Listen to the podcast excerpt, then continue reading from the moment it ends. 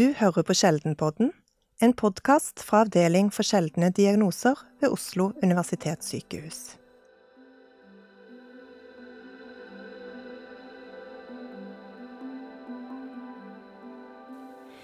Sjeldne medfødte tilstander kan være vanskelige å oppdage, og mange pasienter går en lang og kronglete vei før de får et svar på hva som er galt.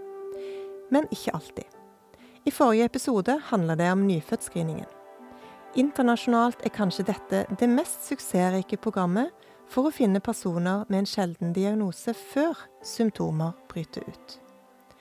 Nå skal det handle om ureasyklusdefekter. En sjelden diagnose som nyfødtscreeningen ønsker skal bli en del av programmet i nær framtid. Jeg heter Kristin Rosnes Holte, og jeg har tatt turen sørvest i landet. For å møte mamma Reka og sønnen Botton.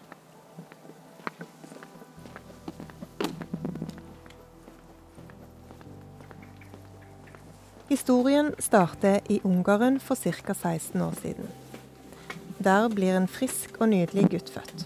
Han får en Apgar-score på ni, og bortsett fra litt væske i lungene, så ser alt fint og normalt ut. Hei. Hei, er det Reka? Ja. Ja, hei. Kom inn. Kristin. Hyggelig. Hyggelig at du hadde tid til å ta imot meg. Mamma Reka og pappaen drar hjem fra sykehuset til en koselig og litt mer hektisk tid som småbarnsforeldre. Botton vokser fint og utvikler seg. Han er blid og god, de koser seg, og når han nærmer seg året, tar han sine første skritt.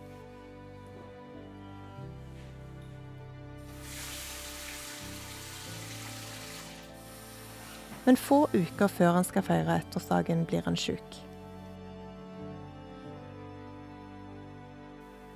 Dette er starten på en ny historie for den lille gutten og for resten av familien.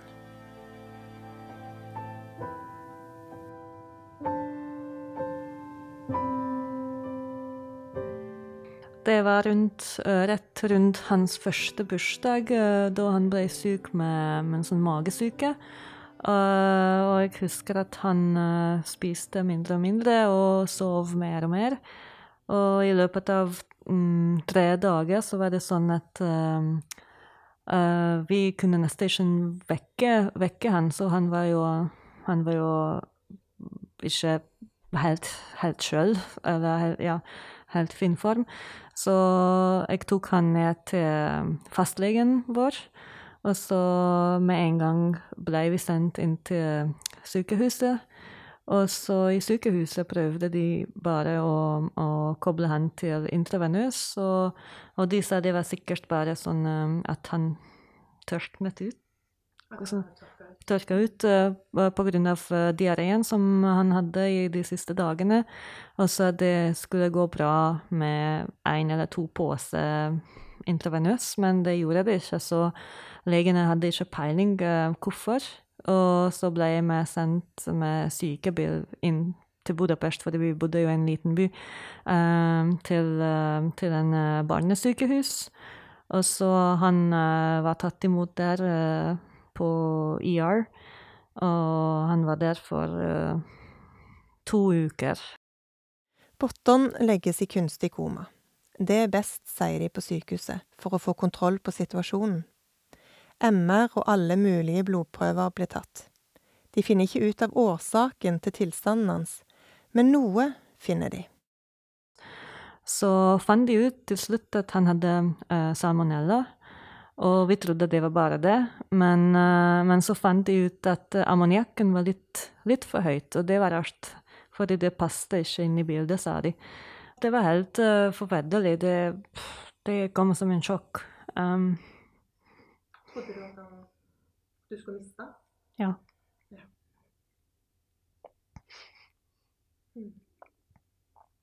Det var veldig vanskelig å oppleve at ingen som visste noen ting som helst. Så det var ikke betryggende. Men når legene sjøl ikke har en anelse om hvorfor ting skjer, så mm. Familien sendes fra barnesykehuset i Budapest og tilbake til lokalsykehuset med beskjed om at legene må ta en leverbiopsi av Botton. Vevsprøven sendes til analyse i Sveits. Og mens de venter på svaret, sendes de hjem med beskjed om at gutten må gå på en streng diett som ikke skal inneholde mer enn 0,8 gram protein for hvert kilogram han veier. Og det er per dag. Botton er i bedre form enn han var som syk, men verdien av ammoniakk sjekkes hver uke på sykehuset. Er de for høye, må de overnatte på sykehuset til prøvene har stabilisert seg. Flere måneder seinere får de svaret på biopsien. Botton har den sjeldne genetiske sykdommen ureasyklusdefekter.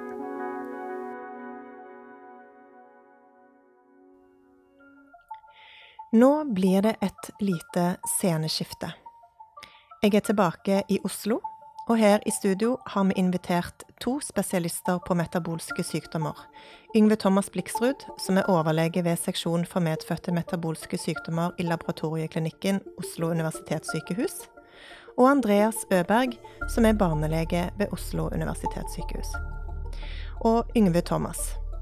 Her hører vi om et barn som fra fødselen av virker helt frisk fram til han får sitt første metabolske sjokk som viser seg å være tegn på diagnosen ureasyklusdefekter. Men hva er egentlig ureasyklusdefekter? Ja, ureasyklusdefekter er eksempel på stoffskiftesykdom. Og stoffskiftesykdom er, eh, er, det veldig mange av, og seks av dem er, rammer det som heter ureasyklus. Og urea er også kalt urinstoff. Og det er rett og slett endepunktet for nedbrytning av aminosyrer eh, og nitrogenholdige stoffer da, i, i, eh, i, cellene.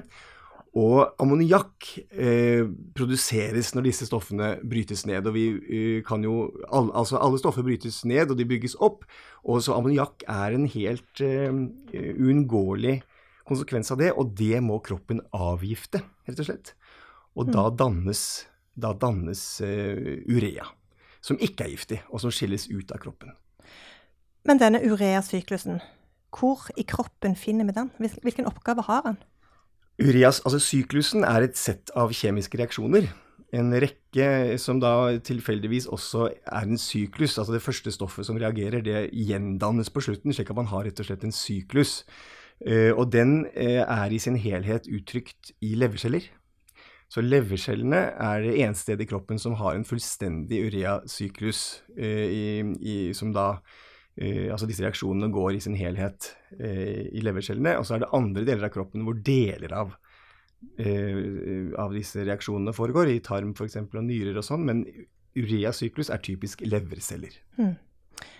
Så når du har en defekt i ureasyklusen, er det da nedbrytningen av ammoniakk som feiler? Riktig. Da vil, hmm. eller i hvert fall en konsekvens av at den syklusen går treigt, er at ammoniakken ikke omsettes fort nok. Og da hoper den seg opp, i, først i cellen, og så i blodbanen, og så påvirker det hjernen i sin tur, som er det vi er mest redde for. Og for de som ikke har en defekt, for oss som er friske uten ureasyklusdefekt, da går det ut gjennom urin? Ammoniakken. Ja, da vil ammoniakken omsettes, eller bindes da eh, i ureasyklus og ende opp som urea. Ja. Og det er det som skilles ut.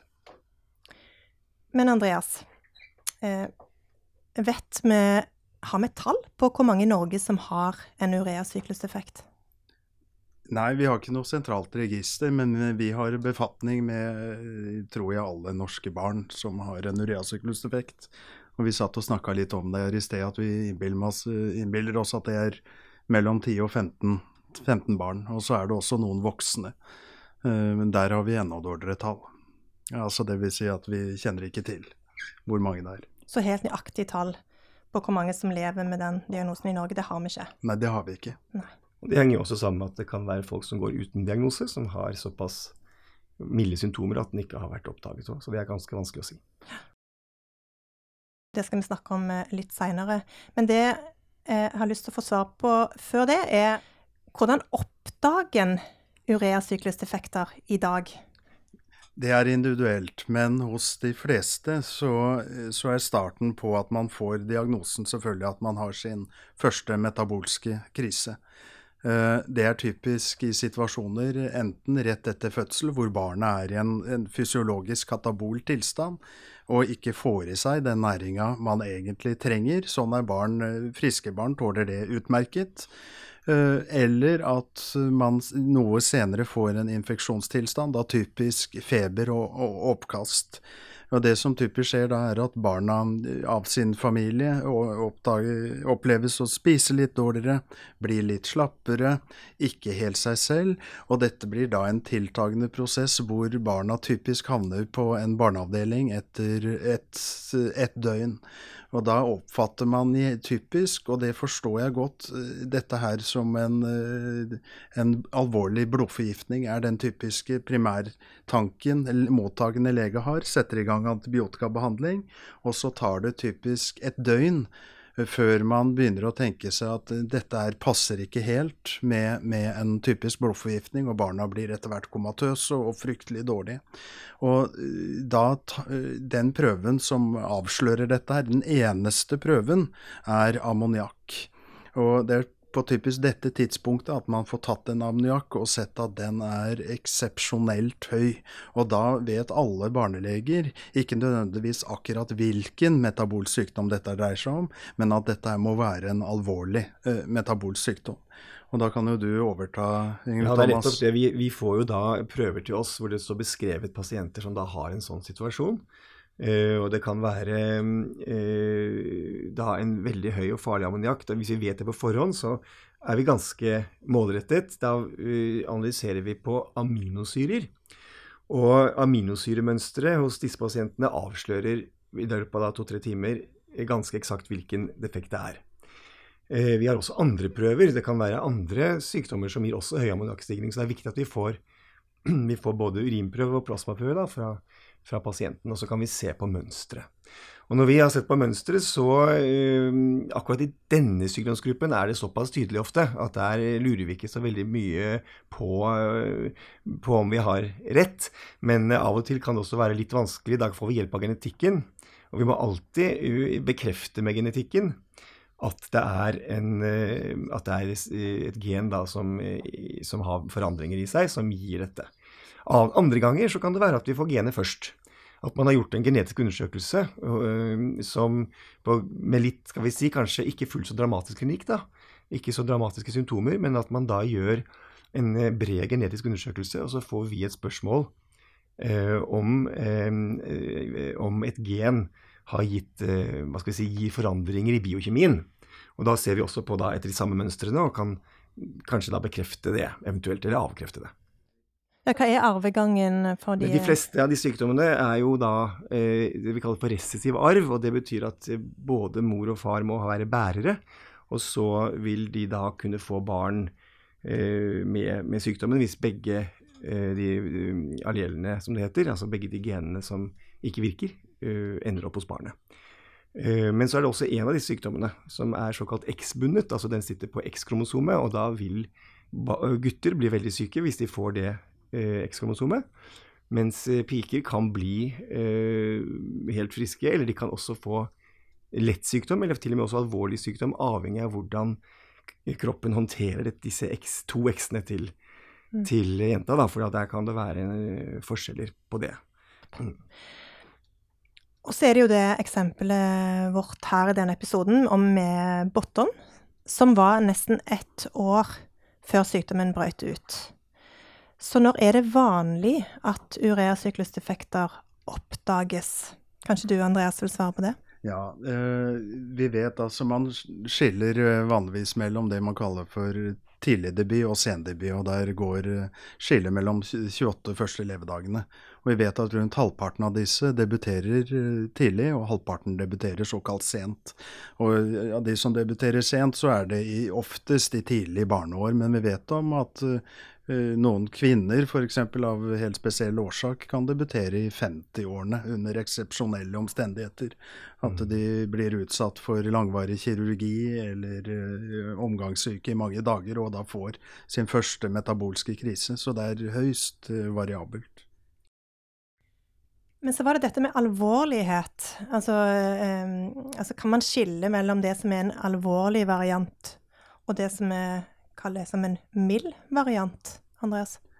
Ja, altså når barna debuterer, er ofte assosiert til hvor aggressiv sykdommen er, dvs. Si hvor fort man får alvorlige ammoniakkriser. Men man kan også debutere eh, senere, dvs. Si første leveår, andre leveår, og ha en eh, veldig, egentlig en alvorlig sykdom. Så det er vanskelig å skille og si at uh, alvorlig. De, de, senere er ikke milde, men vi vet at etter man begynte å skrine for dette her uh, i flere land, det har man gjort uh, lenge nå, så har man også oppdaga personer med mildere sykdom som vil debutere under med, med, disse krisene, at det skal mye mer til. Og at man da typisk debuterer mye senere. Men veldig mange av disse tilstandene er veldig alvorlige, selv om de debuterer ved, ved et års alder, som vi har hørt om i, historien.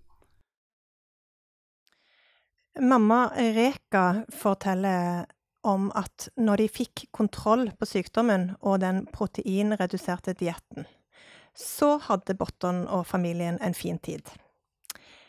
Men så får pappa jobb i Norge som arkitekt, og Reka, Botton og lillesøsteren flytter med. Botton begynner i barnehagen, og nå opplever han å få flere kriser i året fram til han er ca. ti år. De lærer seg etter hvert å gjenkjenne symptomer og tegn på hvordan en krise starter. Hør på dette.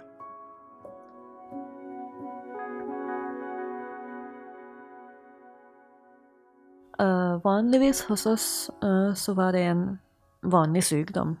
Uh, diaré eller sår hals eller influensa eller noe med, med feber. og det som vi merket, er først og fremst at appetitten går vekk. Han klarer ikke å, å spise. Og det er veldig viktig å ikke tvinge han å, å spise, for da kaster han bare opp, og det, det er ikke vits med det. Uh, og så det vi ser, at uh, hvis han går inn i en krise, så blir han vanligvis litt svimmel. Uh, klarer ikke å spise, drikke, og klarer ikke å uttrykke seg eller tygge maten. eller sånn Finmotorikken blir borte. Det er jo en sånn tydelig tegn. Uh, og hvis uh, han klarer å drikke, i alle fall så er det viktig med SOS-regimet, så da må vi uh, begynne med det. Og da er det sånn at han må drikke annenhver time, så da må vi vekke han i løpet av natten også for å drikke. Men hvis han klarer det, så kan vi unngå å gå inn, inn på sykehuset, og da trenger han heller ikke intravenøs. Men uh, hvis han ikke klarer det, hvis det er diaré eller noe sånn at han ikke får inni seg mat og drikke, så må vi inn på sykehus med en gang. Så da er det den eneste er jo intravenøs, så, som kan hjelpe. Mm. Og han må òg få antibiotika så fort som mulig hvis det selv om de er ikke, ikke sikre på at det er sånn bakteriell infeksjon. Det, jeg synes det, det, er veldig viktig å, å gi ham antibiotika. Fordi at vi skyter med kanoner. Eh, men eh, det, det, er jo bedre enn å få en metabolsk krise. Så i hans tilfelle han har ikke fått antibiotika i de siste fire årene. Og før, før, dette så var det heller ikke veldig vanlig, det var kanskje en gang i året. Så jeg syns det, det, gjør jo ingenting hvis, uh, hvis, han får antibiotika med en gang, for da kan vi unngå uh, Vi har en sjanse i alle fall å unngå en sånn type krise. Hva er en stoffskiftekrise, og hvorfor oppstår han, Yngve Thomas? Ja, Det har vi allerede snakket litt om. Det er særlig hvis kroppen får et ekstra behov for energi, f.eks. ved feber. Da må man jo lage varme, eller kroppen må lage varme, og det er jo energikrevende. Og, så hvis man blir syk da, med, med en annen vanlig sykdom, influensa f.eks., eller hvis man eh, blir utsatt for stress eh, eller blir det vi kaller katabol, eller må bryte ned eh, sine egne reserver, f.eks. når man sulter, er veldig sulten eller har spist veldig lite, så kan man få en stoffskiftekrise. Så for typisk farlig situasjon er jo en febersykdom med oppkast og diaré. Da får du liksom trøkk i alle retninger, og, og, og, og kroppen da etter noen tid vil sette i gang en veldig mobilisering av eh, næringsstoffer som da skaper krisen. Når Reka merker en begynnende stoffskiftekrise på Botton, forteller hun, så er det om å gjøre å starte med SOS-regimet. Men hva er SOS-regimet, Andreas? Ja, et SOS-regime er i praksis noe som prøver å bøte på de prosessene som Yngve Thomas akkurat nevnte. Nettopp det at eh, spesielt barn går inn i, fra naturens side er programmert til å bryte ned næringsstoffer, også aminosyrer, når man blir syk. Og hovedprinsippet da er å tilføre energi og tilstrekkelig energi til at man eh, reduserer graden av kroppens egne nedbrytning av, og frigjøring av næringsstoffer. Um, og da vet vi sånn cirka, og dette er aldersbestemte energimål vi bruker, og da vet vi at hvis vi får i barna så mye energi, så kan vi i, beste fall bremse uh, denne forverringa og, og, og, stabilisere den og få den snudd. Uh, og helt konkret så består typisk SOS-regimet for den pasientgruppa her at man kutter ut proteiner, og at man får en eh, rikelig med sukkerholdig drikke eller væske. Eller hvis barnet ikke holder på, sånn som Yngve Thomas nevner, ved oppkast eller diaré, så spiller det ingen rolle hva du putter inn hvis det kommer ut igjen. Da må disse barna raskt på sykehus og få dette intravenøst. Er det vanlig å bli, måtte legges inn på sykehus og få intravenøs behandling? Det er veldig individuelt, men dette er av de mest eh, aggressive stoffskiftesykdommene som jeg er mest bekymra for som lege. Så dette er barn vi oppfordrer til at de kommer fort til sykehus, sånn at vi får klarlagt, da vet vi hvilke prøver vi skal ta, få en oversikt over ammoniakknivået. Vi tar blodprøver på hvor de er i sin metabolisme, dvs. Si om de får nok energi. Det kan vi gjøre. Og selvfølgelig gjøre en klinisk vurdering av eh, barnet. Og hvis det er falsk alarm, og her sier jeg ofte til foreldre at eh, ni av ti innleggelser skal være eller unødvendige, for å nettopp unngå den gangen hvor barnet ser ganske fint ut, men har skyhøy ammoniakk. Så det er veldig ofte at vi oppfordrer til å komme inn, og så kan man heller dra hjem. Mer, da har vi litt mer oversikt over hvor vi er i barnets metabolske stabilitet. Man kan tenke seg veldig greit at den giftproduksjonen da, som kroppen setter i gang med når barnet blir eh, katabolt, som vi kaller det, altså bryter ned næringsstoffer, det, den skrus av med SOS-regimet. rett og slett. Det skrur av giftproduksjonen, og da blir jo toppen på den ammoniakkbelastningen eh, lavere. Hvor mange dager er det de må holde på med et SOS-regime? Det er veldig variabelt. Eh, for litt som innleggelser så oppfordrer vi at man starter opp. Man starter noen ganger for mye enn for lite. Så man starter typisk ved feber, og skal man avbryte hvis det viser seg at eh, nei, nå var det bare en vanlig forkjølelse. og og barnet mitt flyr rundt eh, og har det greit og har feber som responderer på Paracet. Men ved, ved alvorlige ammoniakkriser så er dette snakk om mange dagers eh, behandling, også intravenøst. Si litt om hvilke skader, eh, altså tilleggsskader, barn med urea og syklusdefekter kan få. Har dere noen tall og, som viser hvem som får kognitive utviklingsforstørrelser, f.eks.? Ja, det fins uh, mange Dette er ikke en sjelden sykdom internasjonalt, så tallene er Vi har store, gode studier. Mange, så vi har mye tall på dette her, men mange av studiene er, er uh, noen ganger litt eldre, og det er litt vanskelig å, å vite i hvilken grad uh, tallene fra utlandet på en måte passer i Norge. Men majoriteten av de barna som får en alvorlig uh, ammoniakkrise før man har noen diagnose, i, i tidlig nyfødtperiode vil få no, en, en, eller annen form for uh, sekvele, som vi kaller det, eller senskade av det. Det kan være typisk alt fra lettere nevropsykiatriske uh, tilstander som ADHD eller uh, høyt fungerende autisme, til mer alvorlig kognitiv påvirkning, psykisk utviklingshemning, og også Eh, tap, vedvarende tap av motorisk funksjon i form av lammelser eller bevegelsesforstyrrelser. Og det er kanskje derfor det er så viktig å få denne diagnosen inn i nyfødtscreeningen, Yngve Thomas? Ja, det er klart at, uh, at en uh, tidlig diagnose har veldig mye å si her for å forebygge disse farlige førstekrisene.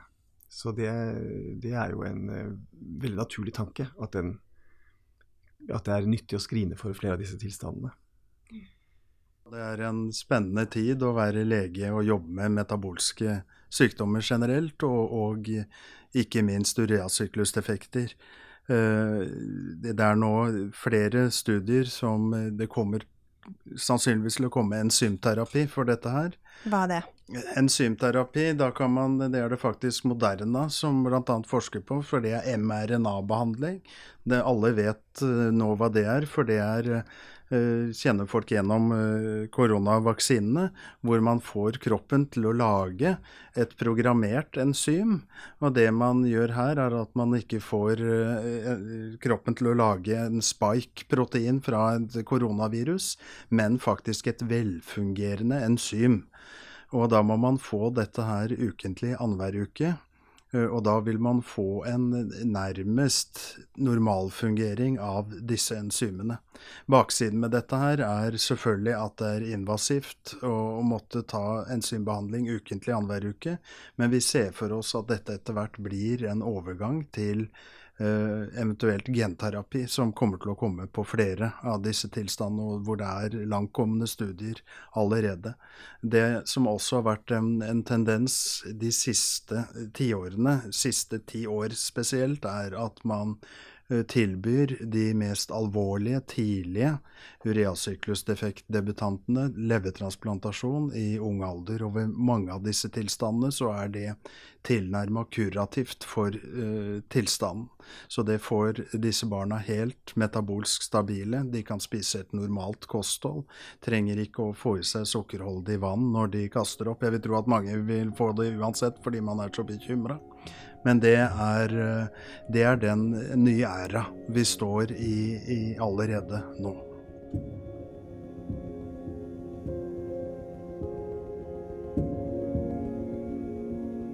Det går mange år før Reka og mannen skjønner at Bottoms mentale utvikling har blitt påvirka av de metabolske krisene. Tidlig i tenårene får han en tilleggsdiagnose. To år siden, kanskje tre år siden, så fikk vi en autismediagnose. Um, som uh, legen sa at det veldig ofte kommer i samme bagasje med en sånn metabolsk, metabolsk uh, sykdom. Uh, så han, han, sa vi tenker ikke å, å tenke Jeg trenger ikke tenke veldig mye på det, for det er ikke sånn mystisk pluss sykdom som man har. Men det er jo noe som kommer hånd i hånd med metabolsk sykdom av og til. Eller ganske ofte, sa han.